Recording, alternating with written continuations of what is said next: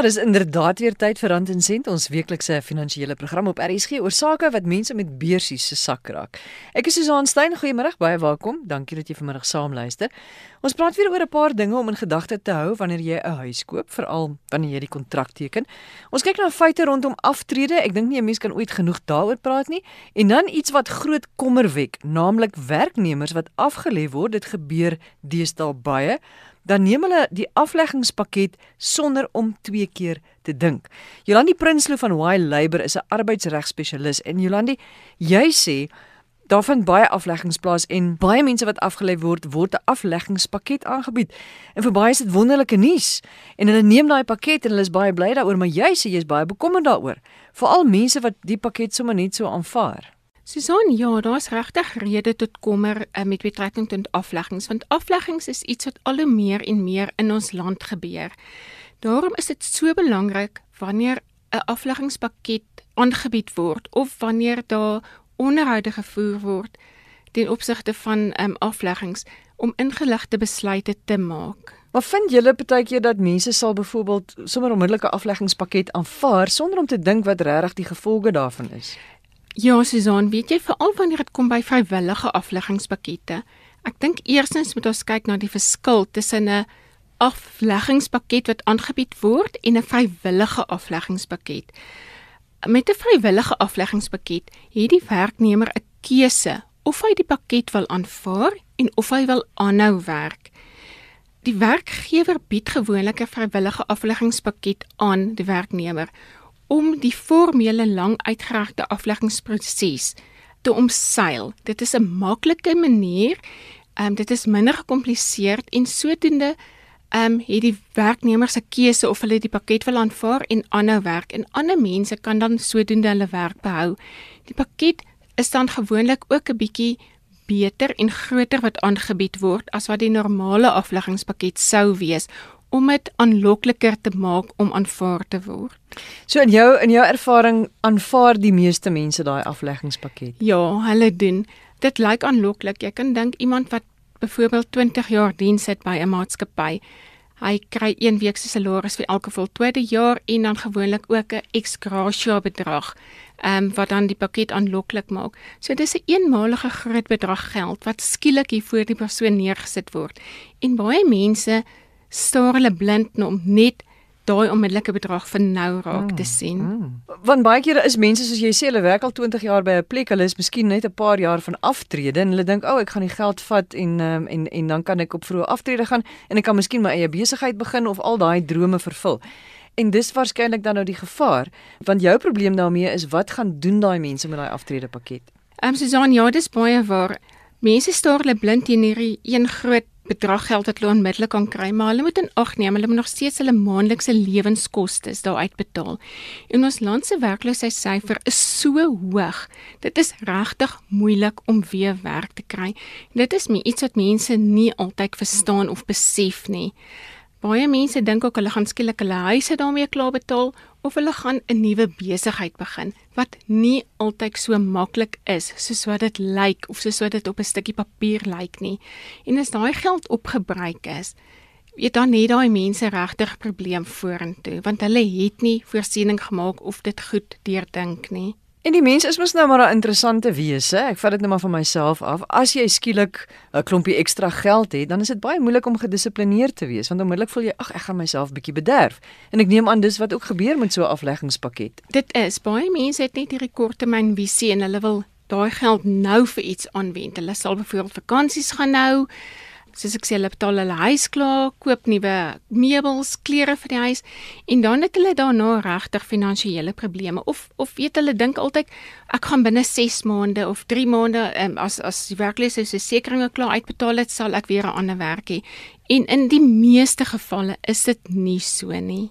So wat is jou voorstel dan? Wat wat is jou raad aan mense? Hoe moet hulle die situasie hanteer? Wat want ek meen as jou baas dan vir jou sê, "Hoerie, ek wil eintlik graag hê jy moet gaan nie soos vir jou pakket." Wat doen jy dan? Kan jy weier? Wat moet jy doen? Met 'n vrywillige afleggingspakket kan jy weier. Ek sal voorstel dat 'n um, luisteraar so lank as moontlik hulle werke probeer hou en aanhou werk. En sou hulle dan besluit om 'n pakket te vat om eers raad in te win by 'n finansiële adviseur en hulle moet hulle nie net blind staar teen die pakket en teen die korttermyn aanloklikheid van daai pakket nie. Of waarskynlik eers sê nee, ek aanvaar nie die pakket nie, aanhou werk en dan intussen ander werk soek. As jy nou regtig voel jou baas wil jy nou nie meer daai hê nie. Verseker, stuur maar eers jou CV uit. Probeer alle ander moontlikhede deur dink 'n nuwe besigheid. Moenie net dink jy gaan instap en jou besigheid gaan binne die eerste 6 maande um, geld maak of 'n wins maak nie. Dit is regtig nie so maklik daar buite nie. Jolandi baie baie dankie vir jou moeite ook om in te kom. Dis Jolandi Prinsloo, sy's 'n arbeidsregkenner van Y Labor. En om jou nog verder te herinner aan hoe jy nie sommer net jou afleggingspakket moet neem en dit gaan spandeer of gaan uitgee nie, Maar moet belief jou aftrede praat ons nou oor aftrede met Wouter Fourie, hy's die direkteur van Escor Independent Wealth Managers, hy's ook 'n gesertifiseerde finansiële adviseur en 'n rekenmeester en nou ook die mede-outeur van die boek The Ultimate Guide to Retirement in South Africa. Wouter, jy het hierdie gids wil ek amper sê saamgestel vir mense se aftrede in Suid-Afrika. Nou, ek is seker daarvan as iemand soos jy by mense gaan kuier en jy staan daar om die braaivleis vuur en mense weet wat jy doen, dan gaan dan sê ek mos nou seker mense gaan vir jou sê, "Jesus Wouter man, wat sê jy vir ons oor ons aftrede?" Nou, ek weet dis 'n baie wye vraag, maar wat is jou antwoord dan? Wat is die belangrikste punte of lesse? Ek die grootste les wat ons kan leer by aftreebeplanning is ons moet so vinnig as moontlik begin om te beplan vir aftreebeplanning. Met ander woorde, mens moet gedisciplineerd wees in terme van jou spaar en ook weet wat jou einddoel is en natuurlik saam met dit, wat is die voor- en nadele van die belastingberekeninge wat daar is? Hoe hanteer mens um, jou aftreefondse sou jy die dag tot sterwe kom ensovoorts. So daar's 'n magtom van vrae en ons probeer dit alles aan te spreek. Wouter, kom ons begin net gou vir iemand wat nou net baie rofweg kortliks. Waar begin ons as, as ek dink aan my aftredebeplanning? Waar moet ek begin? Ek die belangrikste gedeelte is die eerste dag wat jy mens werk, moet 'n mens gedissiplineerd wees om genoegsame geld eenkant te sit vir jou aftredebeplanning. Susan, ek dink nie die, die beginsel wat 'n mens van die begin af vir jouself moet sê, dit is jou eie geld. Al wat jy net doen is jy sit dit eenkant vir jou ou dag. So mens moet in jou huidige begroting moet jy genoegsame dissipline hê om te begin vir aftreebeplanning. En dan ook om te weet wat se tipe produkte daar is en wat die voordele is om spesifieke produkte te gebruik vir jou aftreebeplanning. Wat sien julle onder mense? Is daar baie mense wat nie eers dink aan aftreebeplanning nie? Jy weet dit is ag, dit is iets wat eendag gaan gebeur. Ek dink nie nou daaraan nie. Ja, ek dink die statistieke wat ons sien in Suid-Afrika bepaal op die oomblik dat slegs 6% van mense wat heidaglik werksaam is, enig finansiëel onafhanklik sal wees by aftrede. En uit ervaring as 'n professionele adviseur sien ons dat mense dit baie keer los tot te laat en dan onrealistiese verwagtinge het in terme van die opbrengste wat hulle moet kry op hulle pensioenfonde wat dan ook 'n gevolg het dat mense te veel geld trek wanneer hulle begin in pensioen ingaan en dan 'n paar jaar later agterkom maar hulle het nie genoeg samefondse nie en dan begin hulle in 'n situasie in te kry wat hulle ernstige lewenskoste ensovoorts moet sny net om aan die lewe te kan bly. Wat sien jy is alles die grootste foute as jy 'n kort lys moet gee van grootste foute wat mense maak in terme van spaar vir aftrede? Ek dink die eerste een is hulle begin te laat te spaar vir aftrede. Tweedens is mense um, besef nie dat hulle beter groei kan kry as hulle byvoorbeeld meer aandele blootstelling in hulle portefeuilles het nie. Met ander woorde, hulle portefeuilles is nie reg gestruktureer nie. Hulle het te min groei bates in hulle portefeuilles. Derdens is dat hulle nie jaarliks hierdie spaar wat hulle wegsit vir aftrede behoorlik aanpas om in inflasie in ag te neem nie. En dan sê hulle nader kom aan aftrede, besef hulle ook nie die verantwoordelikheid wat daar is om dit gereeld te hersien en om seker te maak dat jy weet hoeveel jy nodig het die dag as jy wil gaan aftree. So as jy begin aftree, is dit belangrik om te weet wat die teiken is wanneer jy toe werk en dat ou dan net gereeld daai teiken in jou sig moet hê of in jou um, in jou ja, in jou sig moet hê vir aftrede. En dit gebeur sekerlik dat iemand by jou kom en vir jou sê ek het hierdie verwagtinge van my aftrede en dat jy dan vir die persoon sê hoorie ek is jammer, maar die werk wat jy nou doen, die salaris wat jy nou verdien, gaan jou nie by daai punt uitbring nie. Ja, dis ongelukkig die realiteit. Baie keer verwag mense dat jy klippe in goud moet verander. Ehm um, wat vir ons belangrik is, is om eerlik te wees om vir mense te verduidelik presies wat die situasie is waarin hulle self vind. Dis dan 'n baie uh, eenvoudige berekeningkie en dis iets wat ek maar vir kliënte ook sê is dat as jy gaan kyk na 'n algemene reël, het jy omtrent 'n miljoen rand nodig vir so 4.500 rand se inkomste per maand as jy 'n aftrede ingaan. So as jy aftree met 'n miljoen rand, moet jy self regmaak vir 'n pensioen van 4.500 rand wat dan jaarliks met inflasie sal toeneem. So ons moet daai sommetjies maak sommer van die begin af en ons sê hoeveel het ons nodig vir aftrede en dat ou na daai punt toe moet begin werk. Jy het nou aan die begin het jy gesê uh, wat mense moet doen as hulle moet begin spaar vir aftrede. Jy het gesê as jy jonk is, dan moet jy die dag wat jy begin werk, moet jy dadelik begin spaar. Wat van mense wat nou miskien laat begin het of wat nog nie begin het nie en hierdie gesprek hoor en dink, oh, "Wat moet ek nou doen?" Reg, wat ons nou moet doen is eerstens moet ons uh, realisties oor wees oor die situasie waarin jy heidaglik is. Ehm um, dit help veel te ou na paniekerig raak daaroor. So mense moet nou gaan kyk wat die planne is en die opsies vorentoe. So 'n paar planne wat mense kan kan in werking stel. Nommer 1 is om die bydrae wat jy maak tot jou pensioenfonde per jaar met meer as inflasie te lig. Met ander woorde, dit help nie jy lig dit net met 6% nie, jy moet probeer om daai pensioen bydrae dalk met 10% per jaar te lig. So dit gaan jou help om om om 'n groot hoeveelheid geld te kan opbou vir aftrede. Tweede een is om te gaan kyk na die datum van die aftrede waar jy byvoorbeeld beplan om op ouderdom 55 af te tree, stel dit uit na 65 toe of selfs na 75 toe as jou jou werkgewer of jou maatskappy jou gaan toelaat om dit te doen. En dan dan moet jy doodseker maak die fondse waarin jy belê vir jou goeie fondse is. So 'n goeie voorbeeld as jy ouderdom van 30 is en jy spaar vir aftrede, is dit belangrik dat jy groot gedeelte van jou aftreegeld moet vir aandele blootstel in jou portefeulje gee. Dit help veel as jy in iets soos 'n geldmark is van geldmark gaan oor 'n langtermyn nie tyd met inflasie nie. So jy gaan jouself eintlik arm spaar soos op jy ouer word. En dan as jy 'n ouer persoon is en jy spaar, wat moet jy jou dan minder blootstel aan aan die aandelemark? 'n Ouer persoon, dit hang weer eens af van 'n mens se ouderdom en omstandighede of, of jy nog werk of jy nie werk nie. En 'n goed gebalanseerde beleggingsportefeulje gaan nog steeds 'n gedeelte aandele blootstelling hê soos dit ons in pensioen ingaan. Want soos ons groot of nie as ek en jy pensioen staan op ouderdom 65, dan het ons nog 'n goeie 30 jaar lewensverwagting oor vorentoe en dit beteken dat jy nog steeds 'n groot gedeelte van jou portefeulje in aandele kan blootstelling hê. Is net belangrik dat as jy mens dan gaan kyk na die die gedeelte waar uit jou geld trek, moet dan 'n bietjie meer minder riskante um, portefeuilles wees, iets soos 'n geldmark of 'n gebalanseerde portefeulje. Wouter en dan laastens die belangrike ding is dit is dan nou dit daai spreekwoord wat sê die beste tyd om 'n boom te plant was 20 jaar gelede en die tweede beste tyd is nou. So as jy nog nie begin het nie, dan moet jy môreoggend eerste ding begin spaar. Ja, eerste ding begin spaar. Ek sou sê die eerste ding wat jy moet doen is van kyk eers na jou begroting en kyk of jy kan bekostig om te spaar want dit help veel as jy spaar en jy sit met 'n massiewe lot skuld wat jy aangaan om te spaar. So ek dink die eerste moet jy moet doen is gaan kyk in die begroting, kyk wat kan jy bekostig om te spaar en dan begin met klein treetjies en maak dan seker dat jy daai bedrag wat jy het elke jaar met 'n bietjie meer as inflasie verhoog. Dit gaan jou help om dan jou doelwit baie vinniger uit te kom. Baie dankie Wouter Fourie. Wouter is die direkteur van Escor Independent Wealth Managers. Hy is 'n gesertifiseerde finansiële adviseur, asook 'n rekenmeester en mede-outeur van die boek The Ultimate Guide to Retirement in South Africa. Maar nou praat ons oor huiskoop. Jean-Pierre van der Poel of JP soos almal hom ken, is 'n eiendomsagent in die Kaap. En JP, ek wil praat oor uh, hoe die mark op die oomblik lyk en uh, sommer watter stappe jy kan doen om vir jouself 'n beter prys te beding wanneer jy vir jou eiendom koop.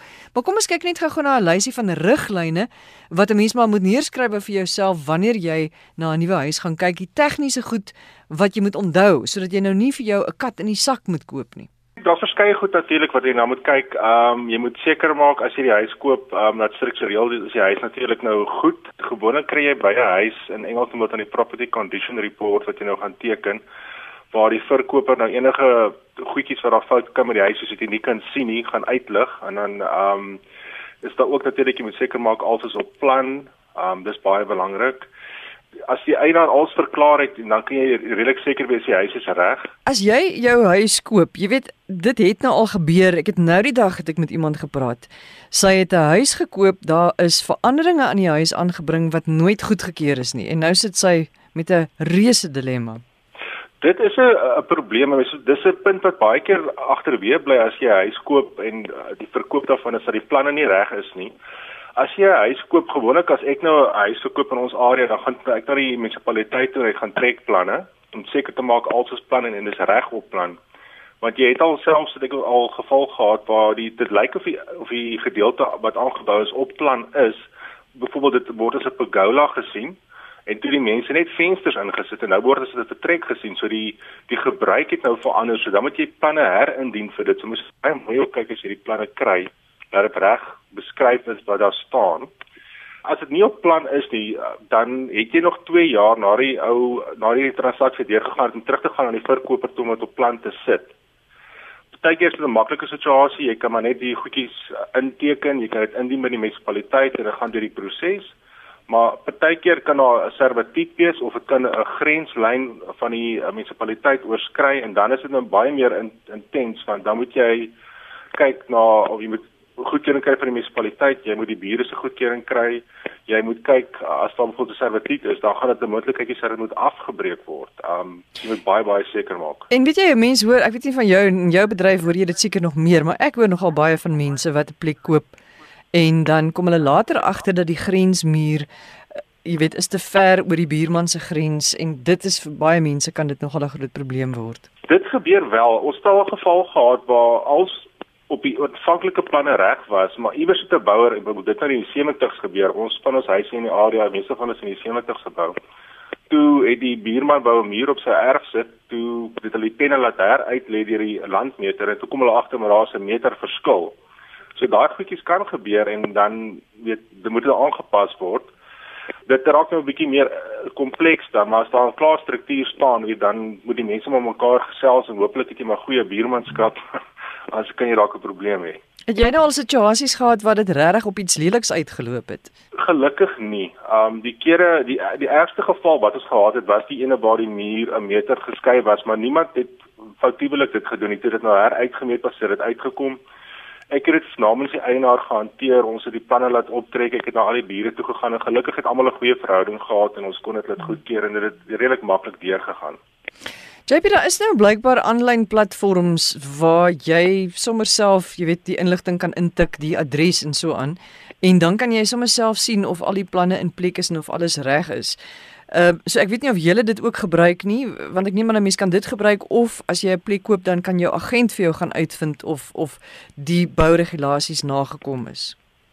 Dit hang af van munisipaliteit tot munisipaliteit. Ek weet van die munisipaliteite is al op elektroniese stelsels ons moet nog fisies ingaan munisipaliteit toe hier in die Bellville Durbanville area om die planne te gaan trek. Ek was vanoggend nou weer daar. Dis 'n fisiese ding wat jy moet doen om vorms invul in die planne. Kyk, dit slaat nie aanlyn beskikbaar nie, maar ek vermoed dit sal binnekort begin kom. As ek nou 'n huis koop en ek sê nou vir my agent, uh, hoorie, sal jy asseblief net vir my hierdie planne gaan trek? Ek is net ek wil net seker maak en jy kom nou agter maar daar is 'n fout, bouregulasies is nie nagekom nie.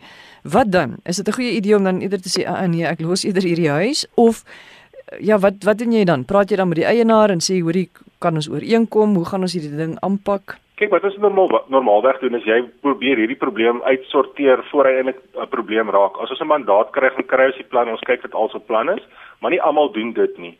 Dan kom die probleem gewoonlik na die tyd uit. Dan is dit 'n geval van, soos ek sê, jy tot en met 2 jaar na die huis die registrasie deurgegaan het, dat jy kan teruggaan na die verkoper toe hy moet dit op plan sit dan is dit nou maar die proses wat jy moet deurgaan. 'n Tekenaar moet die nuwe gedeelte opsit, moet ingedien word by die munisipaliteit en jy hulle prosesse gaan. Meeste van die tyd moet jy nou maar van die bure, die munisipaliteit dui aan wie jy moet vra, se so toestemming ook op die plan kry. Um die verkoper kan nie net wegloop van dit af nie. Het, hy moet daai verantwoordelikheid dra want meeste van die agente se kontrakte is daar klousule in wat sê die verkoper verklaar hiermee dat alles op plan is en ook op die ehm um, jammer vir die Engelse woord die property condition report wat ons nou elke keer gebruik daarin is daar spesifieke vrae wat ook vra is alles op plan of is daar enige ehm um, probleme met grense of iets soos dit dan moet die verkoper dit ook verklaar. Okay, nou moet jy besluit wil jy hierdie huis graag genoeg hê om die moeite te doen of nie. Sulke goedjies gebeur en dan ons sorteer dit maar gewoonlik uit as agente. Ons gaan ons gaan deur die moeite, ons kry alles op plan dat alles reg is want die verkoper moet ook besef dat die volgende ou gaan dieselfde probleme hê. Hy moet dit nou maar doen want die banke as hulle kom waardasie doen, hulle raak nou baie meer um kom ek sê sekuur met hulle waardasies. Gewoonlik het hulle net vinnig deurgekom en gekyk, maar die mense begin nou baie in diepte kyk en hulle kyk na die planne ook. So dan gaan hulle nie verbandgoedkeuring gee vir die koper as daar nie uh planne als op als op plan is nie en uh die verkoper gaan al meer probleme optel so die beste is om dit maar te doen. JP, watter stappe kan 'n mens doen om vir jouself 'n beter prys te beding as jy 'n huis koop? Kyk prysbeding is maar 'n groot deel van die mark. As die mark koorsagtig is en die mense soek huise, kyk die mark is maar plus minus in 'n 10 jaar siklus. Um en ons is nou weer wat 'n half bietjie op 'n laer punt is. Dan moet jou huis nou effektief geprys wees dat die kopers nou gaan belangstel. Andersins um vir 'n koper as dit 'n kopersmark is dan is dit nou makliker as dit 'n verkopersmark is, is dit dan weer moeiliker. Um ons is baie keer in die verkopersmark dat jy die huis die oggend laai en die middag het jy al klaar drie aanbiedings. Of nou is daar tyd dat jy nou maar jy soek net nou maar verkopers. So dit dit hang weer van die mark af as wat enigiets anders afhang op die oomblik. So met ander woorde as die mark goed is, dan gaan jy kan onderhandel soos jy wil, maar jy gaan nie noodwendig 'n beter prys kry nie. Maar as die mark ja, sleg is, dan het jy 'n beter bedingingsmag. Ja, want jy jy jy het kompetisie as die mark sterk is, het jy baie kompetisie. Daar's heel klomp mense wat die huise soek teen veral sekere prysklasse en dan kompeteer jy teen ander mense. Dit gebeur baie keer die ouens hoër aanbiedings maak as vra prys net om die huis te kry. As jy 'n huis koop, uh daai voetstootsklausule, is dit nog in alle kontrakte? Hoe werk dit? Die voetstootsklausule daar, jy kan as jy 'n huis koop, koop jy of van 'n ontwikkelaar af en dis gewoonlik as jy 'n nuwe ontwikkeling inkoop, dan geld die voetstootsklausule nie en die ontwikkelaar het basies vir die ehm um, verbruikersbeskermingswet het dan 'n sekere aantal goed wat hy moet tot in 5 jaar moet hy basies na die huis kyk um, as daar krakies kom of iets moet hy dit regmaak. Maar jou normale huisverkope, 'n tweedehandse huisverkoop as jy dit so kan sê, ek en jy wat nou ons eie huis verkoop, um, dis nie ons normale ons is nie ontwikkelaars nie. Dan geld die voetstootsklausule beslis nog en dit is ook in in meeste van die kontrakte. Ehm um, die voetskoolskoolsiele sê basies dit kwytskel die eienaar of die verkoper as daar enige iets is wat hy nie van geweet het nie dat die koper nie na hom toe kan teruggaan nie. So as daar nou byvoorbeeld 'n uh, 'n kraak onder 'n mat was wat hy nie van bewus was nie, kan die die koper hom nou nie verantwoordelik hou daarvan nie. Maar bygesê as die koper enigstens kan bewys dat die verkoper het geweet van daai fout, daai latente fout, dan kan hy nog steeds verantwoordelik gehou word die verkoper vir die probleem.